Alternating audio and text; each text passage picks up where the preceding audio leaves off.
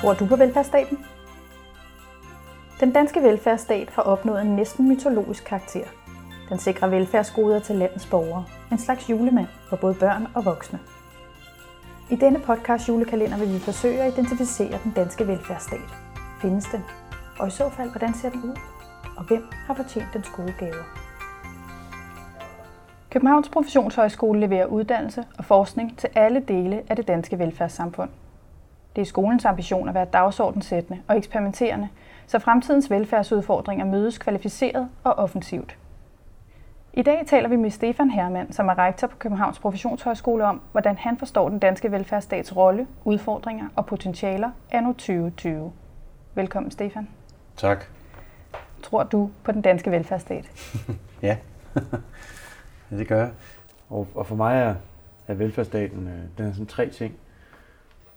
Øh, det, det vi har i Danmark, det er en, en liberal, demokratisk velfærdsstat.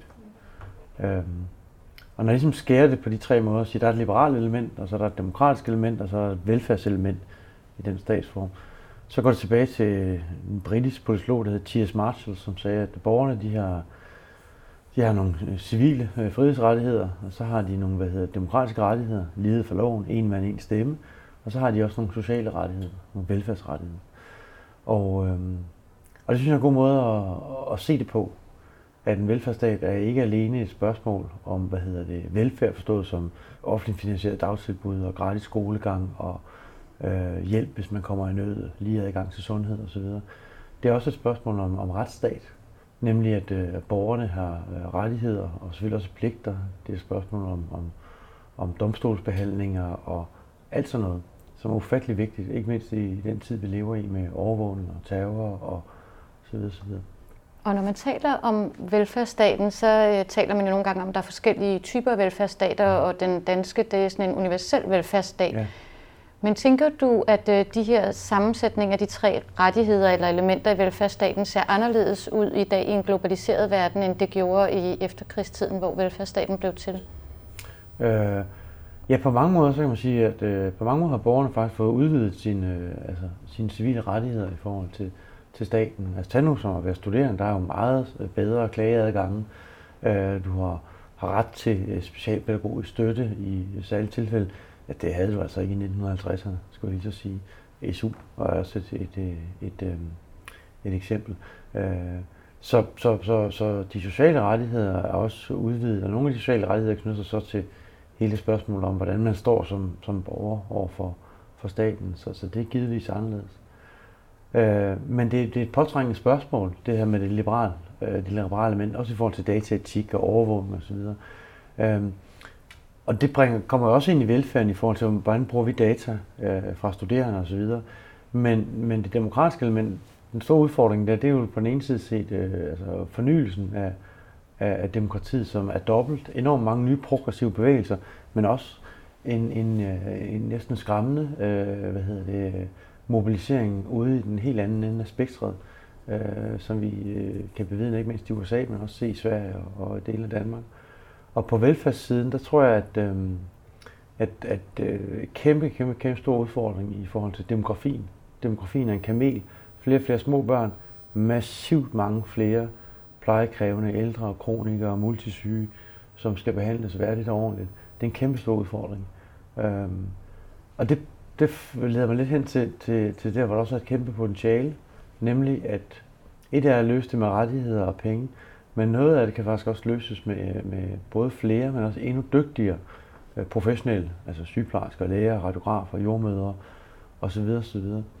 Øhm, og måske er vi der, hvor den danske universalisme øh, er ved at forandre sig fra at være sådan en, en, en transfereringsuniversalisme, som består i, at øh, at vi har rigtig mange rettigheder i forhold til at få, få goder, altså folkepension og SU og dagpenge og kontanthjælp, til at det lige så grad øh, handler om, at universalismen handler om at have fælles, stærke institutioner, som er stærke, fordi de er befolket, er knalddygtige, øh, hvad hedder det, professionelle.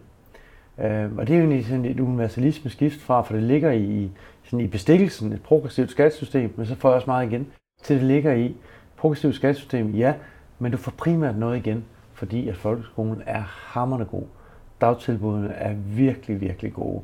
De videregående uddannelser, ungdomsuddannelserne øh, osv. osv. Så det er en anden type af undskyld kontrakt, end den der bestikkelseskontrakt, som altid har, har handlet om, at middelklassen skal have meget igen, fordi der så taber de opbakning.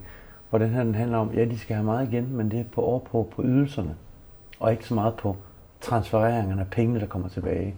Øhm. Og tænker du i forhold til den udfordring, at øh, du som rektor fra en professionshøjskole, at der er noget særligt, som de velfærdsprofessionelle skal gøre for at udnytte det potentiale, der er der? Ja, øh, ja, det er der. Man kan sige, at det, som de velfærdsprofessionelle skal gøre, det er at, at på den ene side set forbinde sig enormt stærkt til samfundets mål og ambitioner, og som sættes langt hen ad vejen jo politisk, kommunal og national osv. Øh, og på den anden side være så dygtige, at de får et, et ret stort manøvre og råderum, som de kan bruge i deres kollektive arbejde med hinanden for borgeren. Øh, hvis, hvis den pagt lykkes, så behøver du ikke så frygtelig meget styring. Øhm, men hvis du ikke kan have styring, så skal du til gengæld have så meget desto bedre ledere øh, og medarbejdere, der står sammen om at fortolke loven og opgaven på en måde, og så har kyndigheden til at føre det ud i livet. Øh, for mig er det en enormt stærk pagt. Så der bliver en, øh, hvad kan man sige, der bliver en ændring i relationen mellem borger og stat, og mellem øh, velfærdsprofessionelle og deres ledere, men bliver der også en ændring i relationen mellem borgere og velfærdsprofessionelle, som du ser det i fremtidens velfærdssamfund? Øh, ja, det tror jeg. Øh, jeg tror, at vi kommer til at se i de næste 20-30 år øh, velfærdsprofessionelle i den brede forstand, altså øh, øh, sundhedsprofessionelle, øh, folk i skole- og uddannelsessektoren og andre steder, være, øh, øh være øh, tættere, og jeg sagt mere pågående øh, i forhold til øh, borgernes øh, behov. Øh, jeg tror, vi kommer til at se et navn på dagtilbudsområdet, at, øh, at familien er ikke bare et ukrænkeligt helle, men øh, at vi kommer til at se en større grad af jamen, både faktisk intervention, men også rådgivning, coaching, vejledning, information, fordi at hjemmets betydning, pårørendes betydning, borgerens, øh, undskyld mig udtrykket, selvarbejde, øh, har utrolig stor øh, indflydelse på, hvordan det egentlig går. Kunsten her bliver at gøre det på en ikke totalitær, men respektfuld måde. øh, men det burde kunne lade sig gøre i et samfund som danske, som har præget meget stor tillid, også til, hvad hedder det, til myndigheder og hvad hedder det, øh, offentlige institutioner. Øh, og der spiller vi jo så en nøglerolle. Tusind tak, fordi du ville dele dine tanker om velfærdsstaten med os her på den allerførste dag i december. Og rigtig glædelig velfærd.